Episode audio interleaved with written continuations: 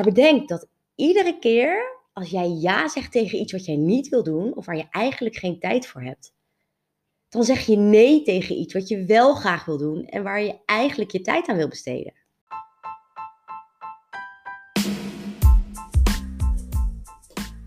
Welkom allemaal bij Geluk is een Keuze, de podcast voor vrouwen die meer uit hun leven willen halen.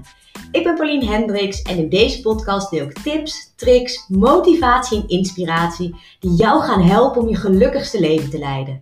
Geluk is geen eindbestemming, geluk is een keuze. Een keuze die je elke dag opnieuw kunt maken. Let's dive in!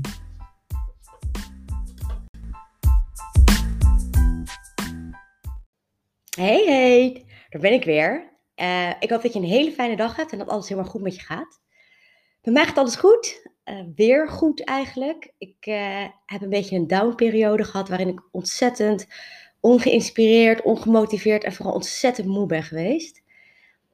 Ik merkte dat ik voor mezelf, ja, dat voor mezelf begin een avontuur was waar ik vol ingedoken was. En ik merk nu dat die initiële enthousiasme wat is afgenomen en heeft plaatsgemaakt voor het feit dat dit nu mijn nieuwe normaal is. En begrijp je niet verkeerd, ik vind het nog steeds geweldig en ik ben nog zo blij met de keuze die ik gemaakt heb. Maar ik merk nu ook dat het niet zo makkelijk is. En ik dacht niet dat het makkelijk zou zijn, maar in het begin was alles nieuw en exciting. En nu loop ik tegen van alles aan en denk ik soms, oh my god, waar ben ik aan begonnen? En dan twijfel ik aan mezelf en denk ik, kan ik dit wel? Ben ik hier wel voor gemaakt? Ik was vooral even heel, heel onzeker en dat kwam omdat ik niet lekker in mijn energie zat. Ik ben normaal gesproken iemand die energie heeft voor tien en dat had ik nu niet. En ik vond het zo confronterend, want mijn enthousiasme, mijn inspiratie, mijn motivatie, mijn drang om dingen gedaan te krijgen is zo nauw gelinkt met mijn energieniveau. Dus ik heb iets gedaan wat ik heel spannend vond. En dat was spaarzaam zijn met mijn energie. En dat was een hoop dingen loslaten, zoals bijvoorbeeld sporten, maar ook werken.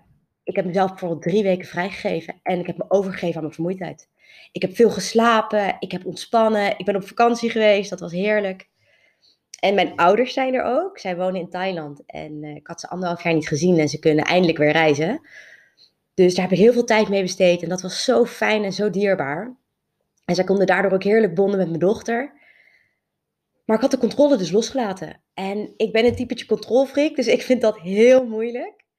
En ik merkte ook dat ik schuldgevoelens kreeg naar mezelf. En wat ik net zei, ik begon te twijfelen aan alles en ik werd onzeker. En ik was bang dat ik stil zou staan terwijl ik zo graag in beweging ben, zowel letterlijk als figuurlijk. Maar dit is zo'n typisch gevalletje van stilstand is vooruitgang. Want mijn lichaam had het nodig om rust te nemen. En toen ik maar eenmaal aan over kon geven, was het ook oké. En het mooie was, ook al deed ik even niks, er kwamen twee supercoole business opportunities op mijn pad. Dus de les die ik hier ook uitgeleerd heb is, durf te luisteren naar wat je hoofd en je lichaam je vertellen. Want het komt echt allemaal goed. Dus ik zit hier nu met hernieuwde energie en een wijze les rijker. En waar ik het vandaag over wil hebben, heeft hier eigenlijk ook wel heel erg mee te maken. Namelijk druk zijn en maar doorgaan. Altijd maar ja zeggen, ook als je eigenlijk iets helemaal niet wilt of er geen tijd voor hebt. En alleen maar het gevoel hebben dat je te veel op je hooi op je vork genomen hebt. En als ik heel eerlijk ben, vind ik dat altijd maar stom. Mensen die zeggen dat ze altijd heel druk zijn, daarvan denk ik altijd, ja, dat doe je toch helemaal zelf. Maar aan de andere kant, ik snap het ook heel goed, hè? want je wilt, ja, je wilt behulpzaam zijn, je wilt je beste beentje voorzetten, je wil anderen laten zien dat je heel goed bent, uh, dat je het kan, dat je extra werk erbij kan nemen. Of misschien wil je wel juist aardig gevonden worden en, en vind je het daarom moeilijk om nee te zeggen. Maar bedenk dat iedere keer als jij ja zegt tegen iets wat jij niet wil doen, of waar je eigenlijk geen tijd voor hebt, dan zeg je nee tegen iets wat je wel graag wil doen en waar je eigenlijk je tijd aan wil besteden. Ik zeg dit nog een keer, want ik vond dit zelf zo'n eye-opener. Ja zeggen tegen iets wat je eigenlijk niet wil doen, is nee zeggen tegen iets wat je wel wil doen. En ik weet ook, hè, vooral als je werkt in een omgeving met veel collega's, is het soms heel lastig om nee te zeggen. En is je agenda onbedoeld vaak veel voller dan je eigenlijk wil dat die is. En ja, ik ben de afgelopen jaren heel bewust bezig geweest met mezelf minder druk proberen te maken. En minder druk proberen te zijn. En juist het leger maken van mijn agenda. En ik wil jullie graag een aantal, ja, met jullie een aantal hacks delen die ik mezelf heb aangeleerd om dus minder hooi op mijn vork te nemen. Oké? Nou, komt ie. Hack 1. Ben altijd aardig en geïnteresseerd tegen iedereen. van die collega van de receptie, de postkamer, de catering tot je CEO. Ben gewoon aardig. Want je weet nooit wanneer je iemand nodig hebt. Als je iemand dan nodig hebt, is het vaak met spoed. Dus je wilt direct kunnen interen op je relatie. Ik heb zo vaak gehad dat ik bijvoorbeeld iets voor klanten organiseerde en dat het fout ging met de catering of met de beamer of met weet ik veel wat. En dan kon ik gelijk naar de keuken of de technische dienst lopen en zeggen: Hey Bas, dit en dit gaat fout, kun je me alsjeblieft nu helpen? En dan was het antwoord altijd: Tuurlijk, Pauline, ik kom er gelijk aan. Want dit zijn namelijk de momenten dat je niet wil wachten of geen extra druk of gedoe erbij kunt hebben. En echt waar, het kost zo weinig moeite om iemand goedemorgen te zeggen. Of om even een praatje te maken met Piet van de postkamer. Hè, terwijl we veel sneller geneigd zijn om moeite te doen voor mensen waar we tegenop kijken. Maar 9 van de 10 keer zijn dat niet de mensen die je uit de brand helpen op het moment dat het nu moet. Dus ben gewoon aardig en geïnteresseerd tegen al je collega's. Want echt geloof me, dit betaalt zich uit. Hack 2. Perfectie is een illusie, dus laat het gaan. Want als jij voor perfectie gaat, is het nooit af. Sommige mensen vinden perfectionisme een kracht. Ik vind het een dikke valkuil, om heel eerlijk te zijn. Want als je voor perfect gaat, ben je altijd veel langer bezig dan nodig is. En is iets nooit goed genoeg. En het gevaar wat hierachter lurkt, is dat er dus niks gebeurt en je dus niet verder komt. Ik sprak, ik sprak laatst iemand die uh, een side business wil beginnen naast haar werk. En ze was al super lang bezig met haar website en het schrijven van blogs en weet ik wat ze allemaal doen was. Maar het was nooit goed genoeg. Dus wat gebeurt er? Achter de schermen is ze aan het zwoegen. Keihard aan het werk, al maanden. Maar naar buiten toe gebeurt er helemaal niks. Terwijl ze al maanden geleden die website live had kunnen zetten en het van daaruit telkens weer een beetje beter had kunnen maken. Want je leert door dingen te doen en door feedback te krijgen en door zaken op de ijs te trekken. Maar als je altijd maar denkt dat het niet goed genoeg is, blijf je altijd in je cirkeltje ronddraaien, bang dat je dingen fout doet. Maar het is juist door dingen fout te doen dat je leert en verder komt. Of een ander voorbeeld. Hè. Als jij heel lang bezig bent om je presentatie of zoiets perfect te krijgen, dan ben je vooral heel veel uren aan het stoppen in het van een 8, een 9 of een 10 maken. Wat super zonde is van je tijd, want een 8 is gewoon echt goed genoeg. En soms een 7 ook wel. En weet je wat? Vaak als jij als jij iets een zeventje of als een prima acht ziet, dan is dat voor een ander vaak al een negen. Dus stop genoeg tijd en moeite in iets om er een goede acht van te maken en gebruik daarna je talent om iets anders vooruit te trekken. Vertrouw op je capaciteit en je kunnen, want wat jij levert is echt goed genoeg zonder dat je op de restpunten 100 jaar zit te grinden. Nou, hack 3. En deze, uh, ja, deze hack heeft mij ook altijd zoveel tijd geschild. En dat is, als je aan een nieuw project begint, ga dan niet gelijk als een kip zonder kop rennen, maar neem een stap terug en evalueer even de scope van je project. Want toen ik net ging werken, heb ik deze fout zo vaak gemaakt. In mijn eagerness ging ik gelijk rennen zonder na te denken waarheen, wat het doel was, hoe succes eruit zag, wie ik daarbij nodig had. En binnen de kortste keren liep ik vast. Was ik dubbel werk aan het doen, kreeg ik mensen niet mee. Kortom, veel gedoe en vooral veel extra tijd en stress.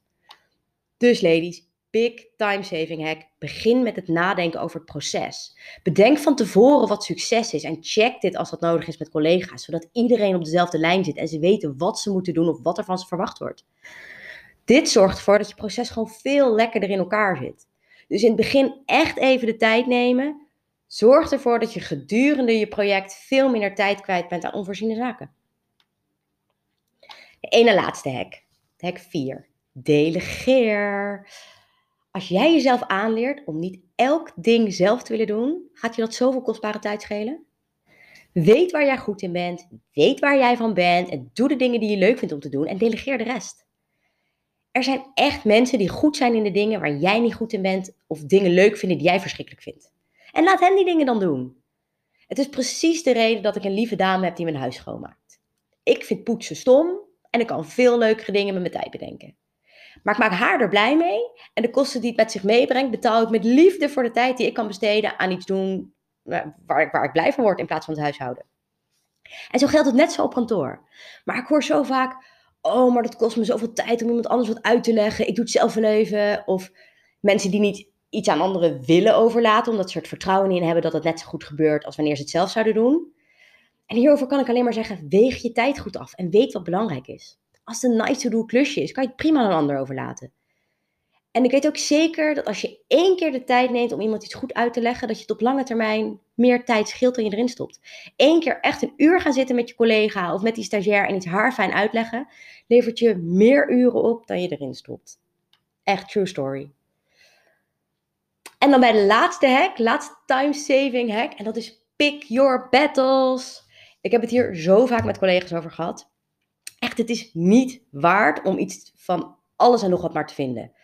Je bestaat zoveel tijd en energie als je niet altijd je gelijk wil halen of jezelf wil bewijzen.